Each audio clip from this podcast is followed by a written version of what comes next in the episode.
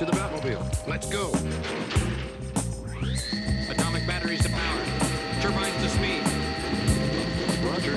Ready to move out. I'm ready to shoot now. My cock is ready. I want to fuck. Let's go. Starring the Mad Prophet of the Airwaves,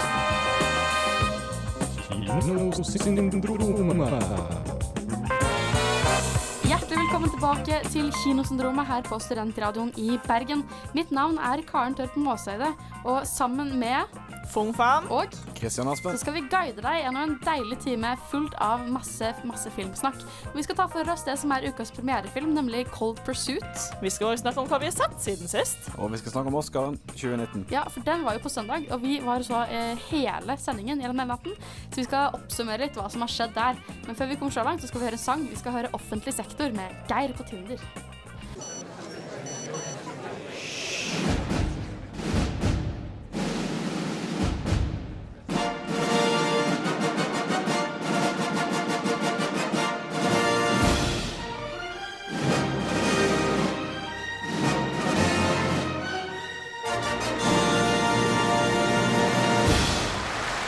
Ukas premiere.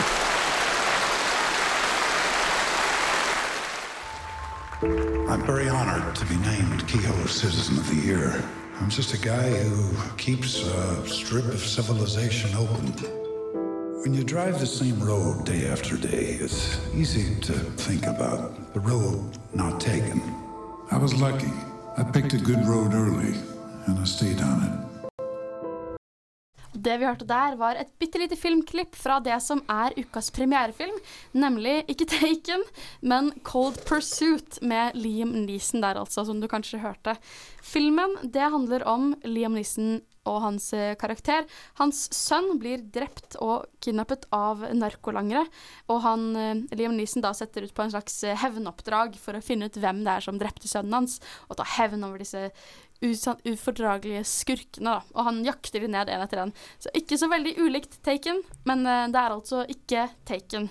Jeg sier. Ja, vi- En Liam Neeson-film. Ja, det er en Liam Neeson-film, men alle tre har vært og sett filmen. Ja. Ja, ja. Eh, så jeg kan jo bare hoppe rett til å spørre litt hva dere syns om filmen. Vel, jeg kan jo starte ut, jeg. Jeg eh, så filmen, og jeg tenkte Altså, skal ikke Liam Neeson finne på noe nytt å gjøre? Det er sånn som du sa, det er basically Taken, men ikke Taken. Eh, det er Han er veldig kjedelig, for det er mye jeg har sett før. Liam Neeson, noen i familien som blir skadet. Han har uh, så greit har sett med skills, som ikke sier denne filmen. Ja. Uh, så han bruker det til å ta hevn på de som har skadet sin familie. Og han er da en typisk bad guy, og hutter i hei. Og det er ingenting nytt som skjer, ingenting spennende, ingenting ja, interessant. Jeg er helt enig med deg, og det er litt morsomt at du sier at du føler at du har sett det før, for det har du kanskje også gjort, for denne filmen her er jo basert på hvilken film, Christian? Eh, basert på In Order of Disappearance eller Kraftidioten. Det Ja. samme regissøren, så dette er en remake. Dette er altså Hans Petter Moland. Stemmer det? Yes. Ja, den kom i 2014. Ja, Det er ganske nylig, ja, for remakeren allerede. det er ganske nylig, men jeg bare føler at uh, altså denne filmen må jo ha gjort det relativt bra. Jeg kan ikke huske den så godt, men uh, siden Amerika har lyst til å lage en remake, så tenker jeg at de hadde sikkert sett for seg at dette blir en, dette blir en hit, Uh, men den ble kanskje ikke det. Jeg føler at filmen er litt ubalansert i forhold til at den prøver å være både en actionthriller og en mørk komedie samtidig, men den bommer litt på begge to. Den er liksom ja, den prøver litt for hardt å være morsom, eller prøver seg på skandinavisk sånn mørk humor, men så forstår den ikke helt poenget, og så flopper den litt, rett og slett. Så blir det litt traust. Jeg føler litt at humoren fungerer i filmen, selv om det? det skal være det er liksom en svartkomedie med en action-thrillers-sjanger, holdt jeg på å si.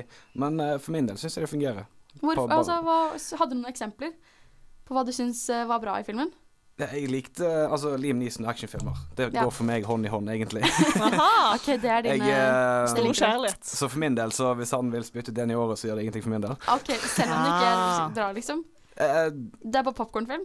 ja, popkornfilm, det kan du si. Ja. Så, hvis, altså, Taken altså Taken 2 fungerte greit for meg, men Taken 3 var kanskje litt sånn Ta treken. Tøyestreken. Ja, det var litt litt. litt. Ja, Men OK. jeg syns sånn action, flott action, Ja. bra skuespill, Ja. eh, humoren passer inn. Ja. Jeg må òg uh, skeie denne filmen litt ekstra, fordi i noen actionfilmer i Amerika så er det veldig ofte de har en vietnamesisk karakter Oh, no. som skal slenge litt vietnamesiske ord inn og være litt Mm. sant? Og jeg uh, cringer hver gang det skjer, men det verste i denne filmen var skuespilleren var vietnamesisk, Nei. og hun kunne ikke vietnamesisk. Nei! Så jeg bare satt der og gren i mitt hjerte. Det er litt morsomt at du sier det, for du er sikkert en, den eneste av oss i studio som hadde lagt merke til det, siden du kan vietnamesisk. Ellers så liksom, Jeg tenkte ikke så mye over det. Jeg tenkte bare Det var litt rar karakter å ha Ja, med. vet den Hun tilførte ikke så veldig mye. Det er litt sånn type sånn stick of comic relief inni der, men uh, ja, det var ikke noe særlig Det var ingen karakter i denne filmen at jeg følte sånn ordentlig med, da. Jeg hadde ikke så veldig stor sympati for Liam Neeson, ettersom at det gikk så fort ifra hele, hele starten av filmen hvor Støden dør, til liksom Oi, da hopper vi videre, og nå skal han ta hevn. Og det er ikke noe sånn der sorg som han går gjennom. Han blir ikke et bedre menneske. Det er ikke noen utvikling i Liam Neeson sin karakter, da. Ja, så, selv om han går gjennom alt dette for å hevne sønnen, så følte jeg aldri et spekk av at han faktisk brydde seg om sønnen Nei, det føles føltes som han egentlig bare lette etter en unnskyldning for å gå og drepe folk. Det var veldig merkelig. Ja. er du enig i dette, Christian? Jeg kan si meg litt enig i det dere sier akkurat der. Det kan jeg. OK, ja. Men så kan jeg òg nevne at jeg fikk en sånn nostalgifølelse i forhold til Fargo i den filmen her. Ja, Det-. Det, jeg, jeg skjønner hva du mener. Den har litt vibes som ja. Fargo også har, men den er samtidig ikke Fargo. Den kan ikke måle seg med Fargo. Nei. Det gjør den ikke. Men uh, det var jo litt eh, kontrovers rundt når denne filmen kom ut. Ja. Stemmer ikke det, Fung? Ja, for du nevnte jo at uh, det var som Liam Neesons karakter bare lette etter en unnskyldning for å gå og drepe folk. da. Og han sa jo noe egentlig veldig likt i et intervju nylig, da han sjøl, Liam Neeson, Uh, fant ut at en venninne hadde blitt voldtatt. da, Så han skulle finne ut For lenge siden. For lenge siden, 40 år siden Ja. eller noe sånt. Uh, så skulle han finne ut hvem denne personen var, og fant ut det var en mørkhudet person. Og han var da i et nabolag eh, der man var dominert med mørkhudede folk, og han skulle bare finne en person som ypper seg mot ham, så han kunne bare gi, finne en unnskyldning til å- drepe dem. Ja, for å ta hevn, da. For han var bare så sint. Og han Jeg hadde bare, lyst til å mm. liksom, hevne. Men det var en skikkelig rar ting å si. Ja, det var Åh. ikke som om intervjueren spurte skikkelig etter noe sånt, han bare sa det. Ja, Jeg synes det var veldig merkelig, og det gjorde jo til at filmen ikke fikk rød løper-premiere heller. Ei, ei, ei. Så eh, filmen har hatt en litt si, lunken start, og har heller egentlig ikke så veldig mye å leve opp til når det kommer til sånn spekta spektakularitet jeg eh, i filmen. Eh, jeg var kanskje ikke så stor fan. Kanskje i forhold til det intervjuet at han tenkte det var godt å få det av seg òg. Det, er jo- det er jo en mulighet. Ja, det kan være. Eller kanskje han bare ikke sånn 100% tenkte igjennom det før Han- etterpå. Ordla det ikke så bra, vil jeg Nei, men det er jo kjempelenge siden. Det er jo over 40 år siden dette ah, skjedde. ja. Men så jeg synes kanskje at han tenkte kanskje ikke at folk kom til å bry seg så mye, men vi lever i en tiden hvor krenkelse er eh, daglig, daglig kost, å si. Daglig, daglig, faktisk. Daglig, Ja. daglig kost, ja. Nei, OK, men uh, la oss ta og felle dommen på denne filmen. da. Syns folk at eh, dette er en film som folk burde se på kino? Nei. Christian? Jeg vil ikke se Altså jeg hadde sikkert satt den på kino Ja. uansett, men det er òg en film du kan vente til kommer ut på enten Netflix, DVD eller Blu-ray for så vidt. Det er en popkornfilm. Det er en Vi slår oss til ro med det, og så og skal, etterpå så skal vi snakke litt grann om hva vi har sett siden sist. Kino, kino, kino. Kinosyndromet.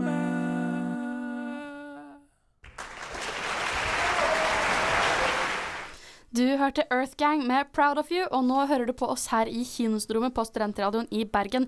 Vi snakket nettopp om en film som vi har sett eh, i forrige uke, som var Eller ikke i forrige uke, denne uka. Vi så Cold Pursuit. Og vi skal snakke litt mer om hva vi så, har sett siden sist, da. Det vil si forrige uke fram til nå. Ah, yes. Så hva har folk sett siden sist, egentlig? Ja, jeg kan jo starte ut, jeg. Eh, Jeg så en kinesisk sci-fi-film oh, wow! eh, som heter på engelsk Wandering Earth. Wandering Earth. Hva Ja. handler den om? Eh, Det skjer en gang i fremtiden. Det virker litt nær fremtiden, men teknologien sier nok det litt lenger frem. Men basically så har solen den er i ferd med å bli en rød kjempe. Så den skal eksplodere, og det kommer til å ødelegge solsystemet vårt. Så menneskeheten finner da ut bare hm, hvordan skal vi redde oss sjøl? Jo, vi lager masse raketter inni jorden, sånn at vi kan dytte jorden bort til et annet Oh my system. god, fantastisk. Altså, vi bare flytter jorden. det går helt jorden. fint. Ja, ja. Som et stort romskip. Det går helt fint at vi bare drar så langt unna solen på på mellomveien. Yes, yes. Så de har regnet ut at denne turen tar 2500 år. Altså storyen vår er da når vi har kommet opp mot Jupiter og skal bruke den gravitasjonskraft til å slenge oss videre, og så er det komplikasjoner som skjer. Ja, selvfølgelig er det det. For Of vi kan, course. alt kan jo ikke gå lett og knirkefritt. Det hadde vært en altfor kort film. Ja. Veldig veldig spennende. Hvor var det du oppdaget denne filmen? Ja, nei, jeg studerer jo kinesisk, Ah. eh, og vi har eh, av og til timer der de viser oss filmer. Og denne filmen er faktisk den filmen som har tjent mest penger i hele verden i 2019 så langt. Er dette en film du håper at eh, andre der ute også går og ser, eller? Ja, faktisk. Den var Ja. faktisk veldig bra. Jeg ble veldig positivt overrasket. Dette høres Eh, hvert ut som noe helt nytt. Jeg har aldri hørt om noe lignende ja, før. eh, mange sier det er liksom Kinas første type interstellar-størrelse på en sci-fi-film. da. Wow. Og, jeg sa, og CGI-en, altså datagrafikken, var utrolig god òg, og det er ikke veldig vanlig at det skjer i kinesiske filmer. Det er det ikke. Ikke frekt ment, men det er bare sånn det er. Det er bare sånn det er, rett og slett. Men hva med deg, Christian? Hva har du sett siden sist? Du, jeg var faktisk på kino tidligere i dag. I tidligere i dag? Ja, ja det, oi, oi, det var, med, var med jobben, faktisk. Oi, hva Eh, sa vi var og så Lego-filmen 2. Ja! Den har vi jo anmeldt eh, tidligere her. Hva syns du? Det, jeg likte den faktisk. Ja, du Kan du ta en eh, recap på hva det handler om, for de som ikke vet hva denne filmen handler om? Det handler om en mystisk har altså kidnapper Batman og gjengen. Oi, oi, oi. Eh, og så reiser den unge, tapre Emmet mm. ut for å prøve å redde dem. Så du den på norsk eller engelsk? Eh, sånn på norsk. Ja. Jeg var med eh, første til fjerde klasse. Så Ja, da blir det norsk. Da blir det norsk. Men det var, ja, jeg syns det var veldig kjekk. Falt filmen i smak for de minste også? Ja, la- latter over hele salen, så det Ja, det er bra. Og så var det veldig mye sånne artige referanser til forskjellige nostalgiting. Ja, for det la jeg også merke til når jeg så Lego-filmen 2. Den har masse referanser til annen popkulturell eh, si, kultur og filmer. Og ikke, ikke minst eh, den forrige filmen, da. Har du sett den første filmen? Jeg har har filmen? faktisk ikke sett ennå. Nei? Ah, Så det så hvordan funket andre film uten å ha sett første film? Altså, følte du egentlig, altså- forsto ting? Ja. Jeg vil si den fungerte som en uh, standalone, egentlig. Ja. Så det, du kan se den uten å se den, vil jeg si, da, men nå har ikke jeg Nei, det er jeg faktisk helt enig i, for jeg hadde ikke sett eh, Lego 1 før Hva jeg så Lego 2. Hva er feil med dere, Nei, guys? det, okay, ting har skjedd for Vi har vært opptatt i livet, men, eh, men jeg skal bare betrygge deg om at Lego-filmen 2 fungerer helt fint Så greit. uten å ha sett Lego 1. Jeg har sett Lego Batman, da. Ja, den er bra, da. Ja, den Den er har jeg faktisk ikke sett. Nei, Den må du også se. Ble du inspirert nå til å se de tidligere, eller? Ja, jeg tror jeg må gjøre det. Ja, jeg tror du må Og så likte jeg veldig godt at de hadde tatt det der liksom at du ser virkeligheten òg, på en måte, Ja. i filmen. Det var det er ganske kjempegøy. Du ser både, både hvordan lekene er i virkeligheten, og hvordan de er med seg selv. Ja. Med hverandre. Og det er veldig morsomt, da. Jeg har tatt uh, og sett en film som uh, mange kanskje har hørt om, men kanskje ikke har sett, Mhm. nemlig First Man. Oh! For den var ikke så lenge på kino. Den gikk en knapp uh, kanskje to uker eller noe i den duren. Det er sykt Veldig, trist. veldig kort. Fikk, eh, gikk fullstendig under radaren her i Norge. Og idet jeg hadde liksom kunnet zoomet meg til å liksom, Å ja, den er ute nå, yes, da må jeg komme på kino og se den. Da var den ferdig å gå på kino. Nei. Det var kjempetrist. Åh, jeg hadde til og med snakket med mamma om Hun var sånn Kan ikke vi gå og se den filmen? Jeg var sånn Jo, den kan vi gå og se. Og så var den borte. Hva handler filmen om, da? For Filmen- oss som ikke vet det. Ja, The First Man det handler altså om månelandingen og Neil Armstrong, som er den første mannen som går på månen. Og hvordan han liksom trente for å, gå, for å liksom kunne dra ut i verdensrommet. Alle, alle forberedelsene, alle livene som gikk tapt for forveien, og alt som skjedde som ladet opp mot månelandingen. Da. Det er et utrolig spennende film, egentlig. Veldig interessant å se. Eh, ikke en biopic direkte, den er ikke sånn 100% korrekt. Jeg vet at mange har gitt litt kritikk mot eh, filmen fordi at den fremstiller Liam eh, Ikke Liam. Neil. Armstrong. Ikke Liam Neeson, men, men Neil Armstrong som litt for, eh, litt for sympatisk. Han var visst ikke så nær med familien sin. Det er de faktisk veldig flinke til å vise i filmen òg. Han er ikke så nær med familien sin. Han sier nesten ikke ha det til folk før han oh, wow. drar opp på månen.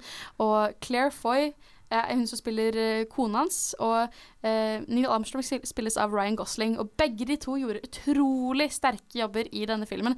Jeg føler at First Man ble veldig veldig snubbet når det kom til Oscar-utdelingen. Men Oh. jeg tror det har litt med å gjøre at den fikk ikke oppmerksomhet. Ja, for Den den forsvant egentlig. Jeg tror fra England var veldig fort. for Jeg var i England og jeg skulle enten se Bohemian Rhapsody eller First Man. Og bare ja, siden jeg er i England, så kan jeg se Bohemian Rhapsody. Ja. Men så hadde jeg tenkt å se First Man, men så bare nope. Det var kjempemerkelig, for det er egentlig en ganske typisk Oscar-film. Den ble jo nominert eh, for beste visuelle effekter, som den vant.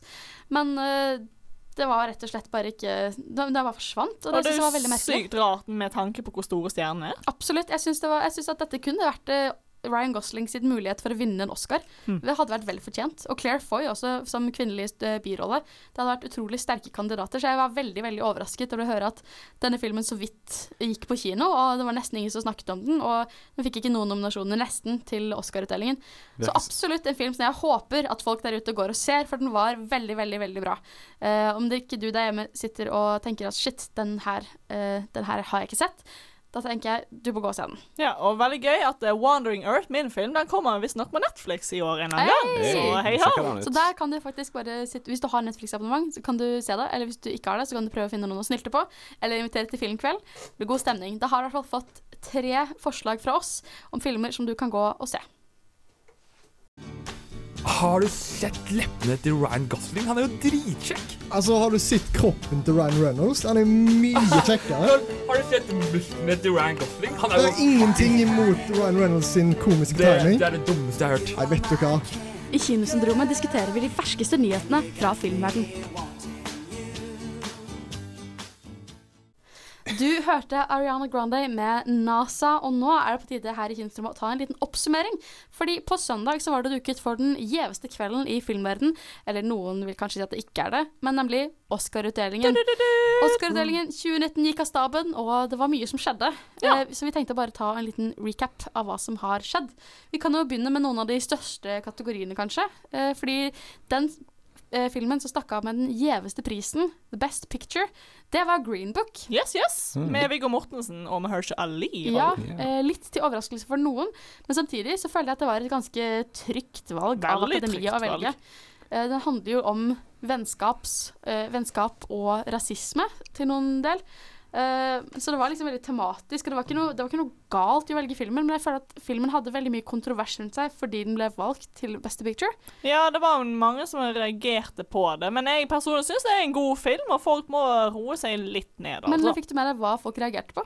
Jo, det er jo det de mener at filmen har et sånn eh, white saver-kompleks, som er sånn at det er en hvit person uh, som da redder en person av en annen hudfarge på et eller annet punkt. Og folk har reagert på det. Jeg syns de overreagerer veldig i dette når det kommer til Green Book, men uh, jeg vet ikke, ja, folk blir jo sure og alt mulig rart, da. Jeg er helt enig med deg. Jeg syns at det var veldig veldig overdreven kritikk. For at, altså, hvis du ser filmen, så er det bare en veldig koselig film egentlig, som handler om vennskap mellom to personer av forskjellige hudfarger. Det handler ikke om her kommer en hvit person og liksom Oi, oi, se på meg, jeg skal redde alle svarte personer Ja, fra jeg tenkte rasisme. aldri Jeg tenkte aldri på det, jeg heller. Men hva tenkte du, Christian?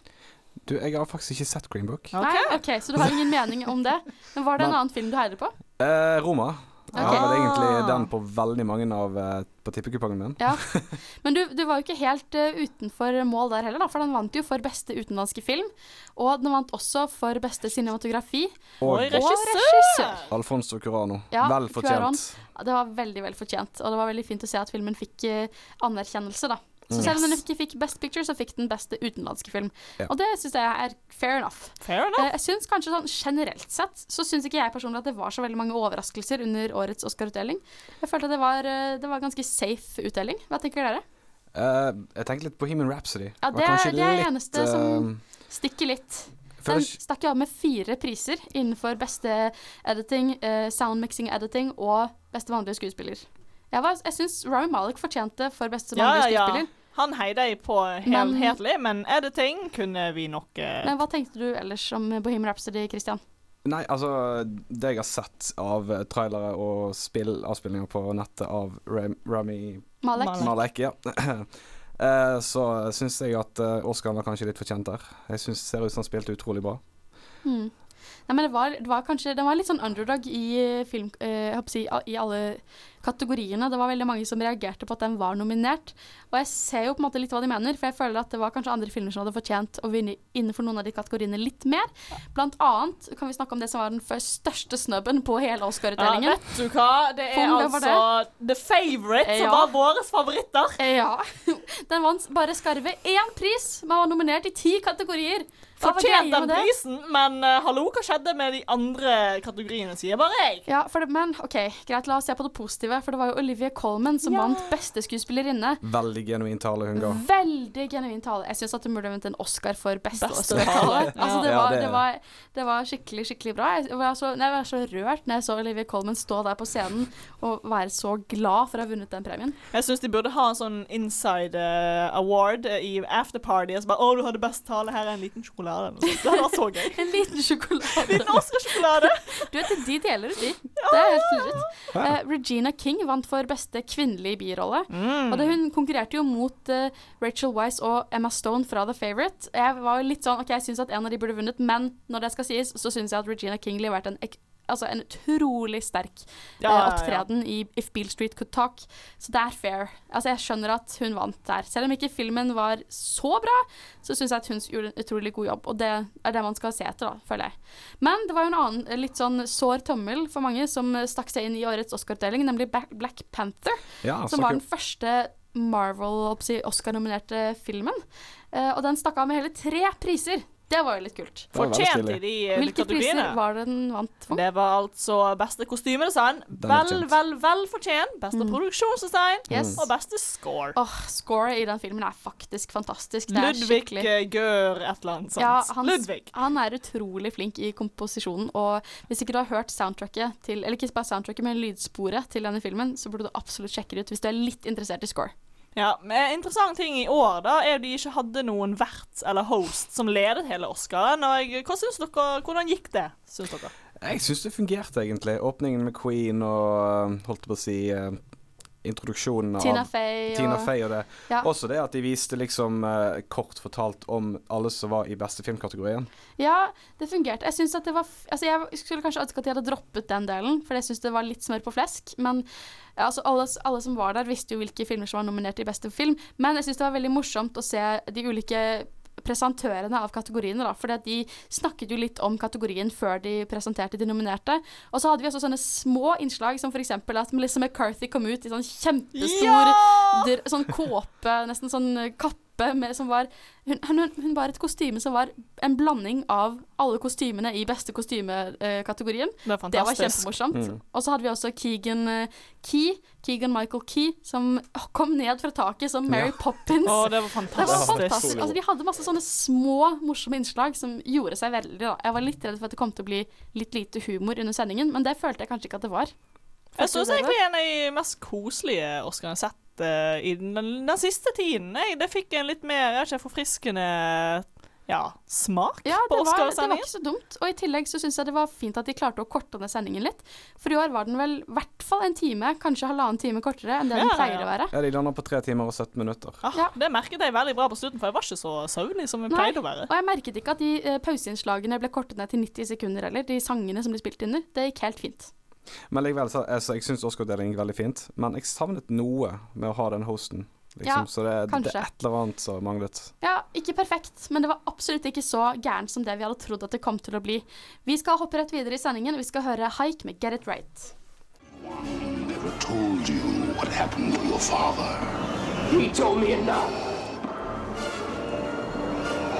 He told me you killed him. No, I am your dad. Nei, kutt, kutt, kutt. Det er I am your father. OK, vi tar det en gang til på toppen. Du hører på Kinosyndromet. Action.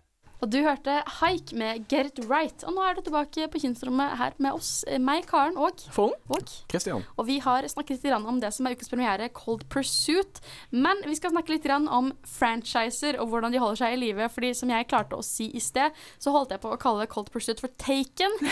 Eh, det er altså ikke Taken, det er Cold Pursuit som er noe helt annet. Men det var kanskje ikke så rart at jeg sa det, fordi Liam Neeson er jo en skuespiller som har vært kjent for å spille i franchiser, og særlig Taken. Taken, ja. Særlig kjent fra det.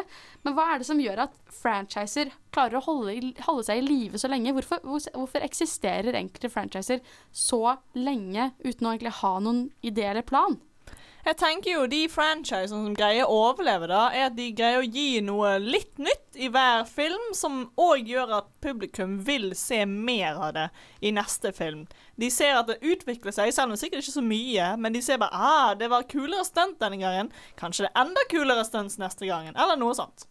Og det der med stunts sånt, og det er et godt eksempel er jo Fast and Furious-franchisen. Ja. Franchise. de har jo òg Du har jo fantastiske skuespillercaster uh, som tiltrekker publikum.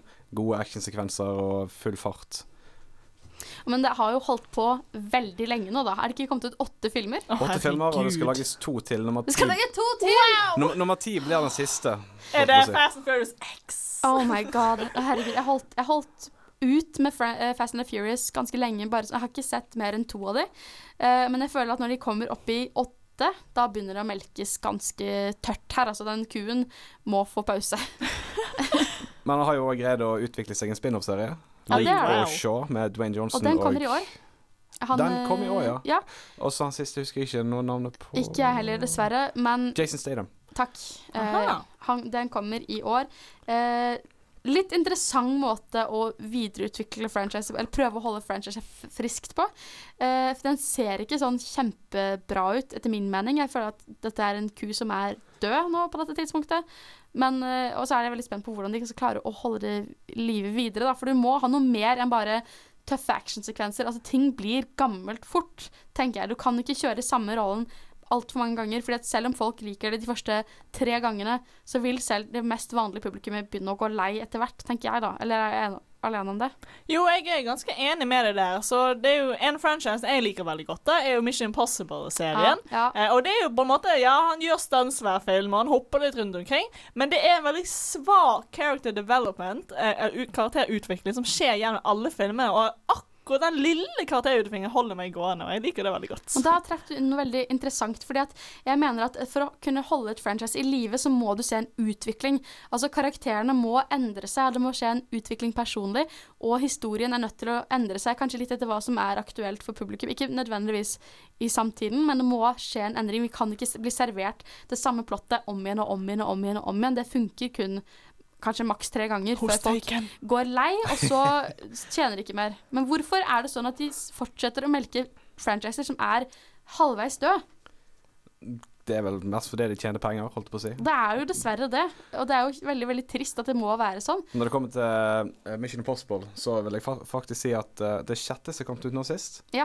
Fallout. faktisk på topp to av Mission Impossible-filmene, vil jeg si. Den er veldig Han er utrolig bra. Og det er faktisk et ganske godt eksempel da, på hvordan de kan klare å lage en god eh, film ut av noe som har holdt på lenge. Men en interessant ting i forhold til de filmene, så egentlig nummer fire, så skulle Tom Cruise bli plass Ghost eh, Protocol. Ja, Ghost Protocol. Der skulle egentlig Jeremy Renner ta over rollen. Ja, som- det var jo egentlig planen. Aha. så men det hadde klarte ikke Tom Cruise å- ny tak på ting, holdt jeg på å si. Ja, sånn som i James Bond. Det er et franchise som har foregått lenge, og de holder det ferskt med å bytte ut karakterene, men det er Mm. samme karakter. Altså, det kan funke. Altså, Ja. Der ser du noe som har fungert veldig bra, da. Og noe litt unikt med James Bond-serien er jo det bare Det er sånn som standalones eh, historier. Hver film er en egen story. De bygger ikke særlig på hverandre, så du får noe, en helt annen type story i hver film. Ja, vi ser kanskje Bare litt mer karakter. trekk av det i de siste. Altså Med Daniel Craig sine filmer ser vi kanskje litt mer en rød tråd som går gjennom alle. For vi ser at han sliter med ting som har skjedd i tidligere filmer, og så må man bygge seg gjennom det. Og da ser vi Mm. kanskje den karakterutviklingen som vi leter etter, da. Men jeg føler at det er mange franchiser som ikke har disse kvalitetene,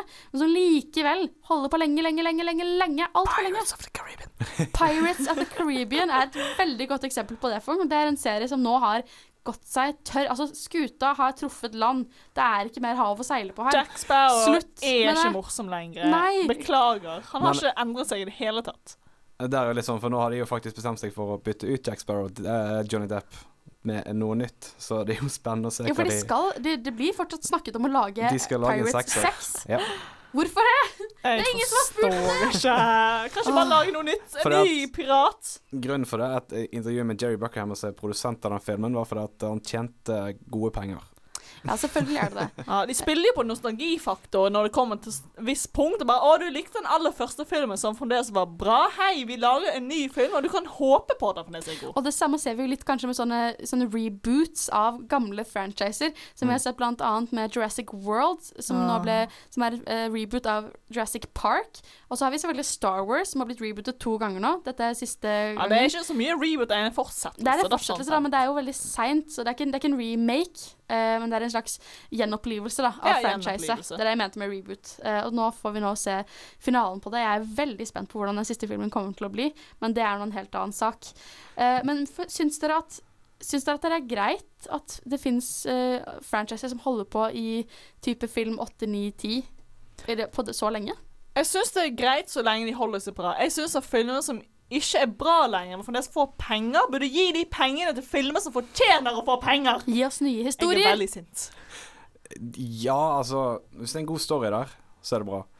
Eh, Men så er det jo da med franchiser som avslutter fordi de ikke tjener penger. Eksempel Narnia. Oh. Den uh, ga Ja, seg jo på treeren. Det er trist. Det har, du har faktisk franchiser som ikke rekker å bli ferdig med det de har tenkt å lage, fordi de ikke tjener godt nok. Og da tenker jeg at det kanskje er fordi de har rushet litt. Ja. Altså da, da burde de heller tatt et ekstra år med planlegging og, uh, og jobbe med filmen for å gjøre den bra, før de gikk videre. For hvis du rusher ting bare for å få det fort ut, for å tjene raske penger, som vi kaller det, da føler jeg at produktet også vises i form av det. For da de tingene nok, for De snakker jo om reboot til det igjen, holdt jeg på å si. Uh, Narnia? Ja. Oh, ja, OK. uh, og da kan de jo havne på samme problem igjen. Ja, det Og får da fullfører de ikke en gang til. Nei. Så det, Så hør på oss, Hollywood. Vi har noen Ja. gode ideer. Ikke rush inn i ting. Hold dere til saken, og lag gode historier. Filmen Gandhi fra 1982 hadde 560 000 statister. Fakta. Top Gun er basert på en magasinartikkel. Er fleip. Liam Neeson er den mest tjenende skuespilleren fra Sør-Afrika noensinne. Det er fakta. Fleip eller filmfakta? Du hørte Astrid S med 'Samanu', og nå er du tilbake på Kinostrommet her på Studentradioen i Bergen, og det er klar for ny konkurranse! Denne uka så har vi altså fleip eller filmfakta om Liam Neeson. Oh no. som vi snakket om tidligere i dag i Cold Pursuit-anmeldelsen vår, for det er jo nemlig ukas premierefilm. Eh, delte meninger om den, men nok om det. Vi skal hoppe videre. OK, er dere, ok, greit. Jeg kan forklare premisset for leken. da. Det fungerer sånn at jeg leser opp en påstand, og så skal dere prøve å finne ut om det er sant eller ikke sant. Veldig enkelt. Det er ett poeng per påstand hvis dere klarer å få det riktig. Og så er det om å gjøre å få flest poeng. Har My dere forstått reglene? Yep. OK, da bare begynner vi det. Første påstand. Liam studerte fysikk og datateknologi i Belfast. Oh gosh. Oh. Er dette fleip, eller er det en spicy liten fakta? Det er veldig annerledes vei å studere fysikk og hva det andre var. og gå til Datateknologi. skues Datateknologi til å bli skuespiller. Det, Ja. er, det er en liten branch av. Ja da, men det er mange skuespillere som har en, eh, en grad, faktisk. Eh, overraskende Ja, nok. Men, eh, overraskende. Kan ikke huske å ha lest noe om at han har gjort det. Så Ja, altså, Belfast er jo mulig. Han er fra Irland, det Ja, vet Irland, jeg. men ja, ja, om han tok fysikk Altså, Har han en grad i det, bare at han studerte det? Sa Eh, det er ikke en del av påstanden min. Okay. Ja, jeg vil faktisk si med at det er fakta. Kanskje han prøvde det ut og bare Nei, jeg skal bli skuespiller, så jeg prøver meg på Mm. fakta. Jeg går for fleip. OK. Jeg kan da avsløre at dette er fakta. Dette er sant. Og han, han har også en doktorgrad, men ikke Wow. for uh, fysikk og datateknologi. Oh. Han er faktisk doktor Liam Neeson. Det er hans offisielle tittel. OK, Wow. påstand. Det så. Ja, Påstand. Ja, dette er veldig gøy. Uh, Liam møtte Helen Mirren på settet til Excalibur, Oh. og bodde sammen med henne når de jobbet i London. Er dette Oh. fleip eller fakta? Helen Mirren, og de bodde Dame sammen. Helen Mirren. Dame Helen Mirren, og bodde sammen på en eh, flat i Bodde de sammen? Var de flatmates? Jeg vet at de har bodd sammen. OK. Jeg har Mm. lest dette og sett det i intervju. Så jeg eh, Du går for fakta. Jeg går for fakta her, Ok, altså. ja, ja. Ah, men eh, Dame 100 Helen Mirren, hvor gammel er hun, da? Ja, hun er jo litt, Ah. eh, Hun er litt, eldre enn Liam Neeson, tror jeg. litt eldre, men ja, Excalibur, og så bodde de flatmates i London. Ja. Hmm. Ja, men Christian høres så sikker ut. Men Jeg- skal jeg gå for han? Vi kjører fleip fra min side. Okay. Ja, jeg kan avsløre at dette er fakta. Oh. Christian, du er helt rett, så stillingen utjevnes nå til 1-1. Nei, nei. Det var altså, Han har sagt senere i et intervju at det var han som gjorde all matlagingen. Oh, Hal. Mirren hjalp han å møte sånne publisister og agenter og sånn. da. Så Dr. Neeson lagde det var en slags symbiose der. OK, klare for påstand tre? Yes. Uh, Liam Neeson vant en Oscar for sin rolle i Schindlers liste. Oh. Har han Å, vunnet jeg- for Schindlers liste? Det er jo faktisk en Å, jeg leser leste film. noe om dette forleden, men jeg glemte. For jeg søkte han opp. Jeg bare, han har gjort sånn litt mer seriøse filmer, og så har han gjort Schindlers List, men jeg husker ikke om han vant den ikke. Han har spilt i ganske mange flere eh, skil- jeg- filmer enn Taken. Ja. Tro det eller ei. Hvis du tenker deg om, så er det sånn Ja, han har spilt i mye. Han har spilt i ganske mye. Og jeg vet han har blitt nominert for den filmen. Ja, jeg For, vet han er eh, nominert, men jeg vet ikke om han vant eller ikke. Å, uff a meg. Vet du hva? Det var så mye fakta hittil. Åh, jeg er litt redd at det går over nå. Men jeg vet hva, jeg stoler på faktisk at Dr. Neeson vant en Oscar for sin sliss, for det var en veldig bra rolle. Jeg er rimelig sikker på at det er fleip. Jeg avslører at uh, dette er fleip. Å nei! Han tapte mot Tom Hanks, oh. som spilte i Philadelphia. Oh. Uh, ah. Du kan ikke slå aids. Altså, I Tom see. Hanks uh, knuste den rollen. Ah. OK, påstand på, da tar jeg Stillingen er 2-1 til Christian. Yes. påstand 4. Liam ble tilbudt rollen som James Bond i Casino Royal. Oh. Oh. Casino Royal! Ja. Det, det, det, det var, Max Mikkelsen som spilte nei, nei, ikke James Bond. Nei, nei, Daniel Craig, ja. Ja, ja. ja men eh, altså han, Max Mikkelsen spiller inn, men ja, eh, han, han, spiller ikke James Bond. Han spiller skurken. ja. Jeg, jeg, jeg for gammel for den tiden Casino Royal kom ut. tenker jeg. Han kom ut 2006. Ja, altså det er ja det er jo 13 år siden, men Liam Neeson er jo gammel. Er ikke litt for gammel å gi henne. den rollen? Det er 13 år siden, så da var han altså Hvor gammel er Daniel Craig, da? Eh, han er yngre enn Liam Neeson, i hvert fall. Liam Neeson er 66, så det er 13 år siden Ja, nå, ja. Ja. Så 53. Det er 53. ganske gammel for Han å ble være James tilbudt rollen, da. Han, han spilte jo ikke. Tilbudt. Jeg Ja, er tenker mer han var in the run-up av folk, men ble ikke tilbudt, så jeg vil si dette er fleip. Mm -hmm. Jeg vil si dette er fleip. OK, det er fleip, yes. men han ble tilbudt rollen som James Bond i Golden Eye. Oh, ja, det er litt Så det er ikke så fleipete. Eller mm. jeg har gjort en liten sneaky fleip her inne. Sneaky. Ok, Neste påstand. Liam spiller rollen til beveren i Narnia. Oi. I, altså i løveteksten og klesskapet. Å nei. Og stillingen er Jeg husker 3-2. ikke Ja, Ja. jeg husker Altså, ikke bedre. jeg vet jo at Limnissen hadde stemmen til Aslan, Mm. så Men kan hende han er sånn ekstra Det kan jo altså det, altså, det er jo flere skuespillere som har to stemmeroller i en animasjon, så det er jo fullt mulig. Det er fullt mulig, men hvorfor skulle han vært en bever? Ja, det var det. Vet du hva? Å, men det var? Statistisk Christian, Kristian, du kan si det først denne gangen, da. OK, jeg går for fleip her. Ja. Å, vet du hva jeg går for? Ja vel, jeg har jo ingenting å tape sånn sett, så jeg går faktisk for fakta. Det er Riske Movefung. Riske? Dessverre får Christian det poenget. Ja, fordi Liam Neeson spiller uh, Han spiller Aslan, og det har du helt rett i. Han Mm. spiller ikke beveren. Det var det er så gøy, da. Niesen Ja, det hadde vært veldig gøy. Jeg hadde likt å se for meg Liam Neeson som en bever. Det var morsomt. Ok, Men da er det 4-2 da, til Ja. Christian så langt. Du Er det har to en mulighet. poeng mot slutten her? Det er eh, to spørsmål igjen, så det kan være at vi ender opp på en eh, eventuell uavgjort og tar igjen neste Ah. gang. Oh. Men se, neste påstand. Liam har spilt både treneren til Darth Vader og Batman. Til Darth Vader Å, Altså å, å, ja! Jeg skjønner nå. Ja, nei, jeg vet faktisk svaret på dette, så jeg vil si mitt svar etter eh, Christian, tenker jeg. Han har spilt uh, treneren til Dart. Darth Vader og Batman. Ja. Batman stemmer, men Dart uh, Jeg sier fleip. Jeg vil Ja. bare si uh, fakta. Var briefly trener, var ikke han? Det stemmer, Fung. Han Ja, har vært what? det, så det er Qui-Gon Jinn? 4-3. Han spiller i Star Wars som treneren til unge Darth Vader, og er Anakin. Oh, ja, oh. Qui-Gon Jinn, man! Yes. det er flaut for en Star Wars-fan. Shit happens. Og nå er stillingen 4-3. Du leder fortsatt. Siste påstand. Liam, det ble to poeng, da, siden vi prøver en Oh. tiebreaker her. Eller gjør det spennende. Siste påstand. Liam Neeson er mest redd for Shakespeare og høyder. Oh, nei. Dette er hans to største frykter. Er det fleip eller filmfakta? Han er jo skuespiller fra de britiske øyene. Hvordan kan han være redd for Shakespeare? Jeg føler så er det noe alle der må like. Han var redd for Shakespeare òg. Høyder. høyder. Altså, høyder kan jeg forstå, men Shakespeare Det er to, topp to frykter. Mm. Her er òg noe jeg føler jeg har sett i Er et det noe jeg finner på for å kødde med dere? Eller er det sant? Er det sant? Åh, jeg føler Det, det er en morsom ting å si og jeg er redd for Shakespeare. Hø- Ja, det er akkurat det. Jeg vil faktisk si at eh, det er fakta, jeg. Jeg òg sier fakta. Begge har helt rett. Det er fakta. Han er livredd for Shakespeare. Men da ender vi alltid opp på at eh, Christian tar en snau førsteplass. Akkurat. Det blir revansj neste Yes. uke. Gratulerer for nå. Vi feirer med sang. That will conclude this evening's entertainment.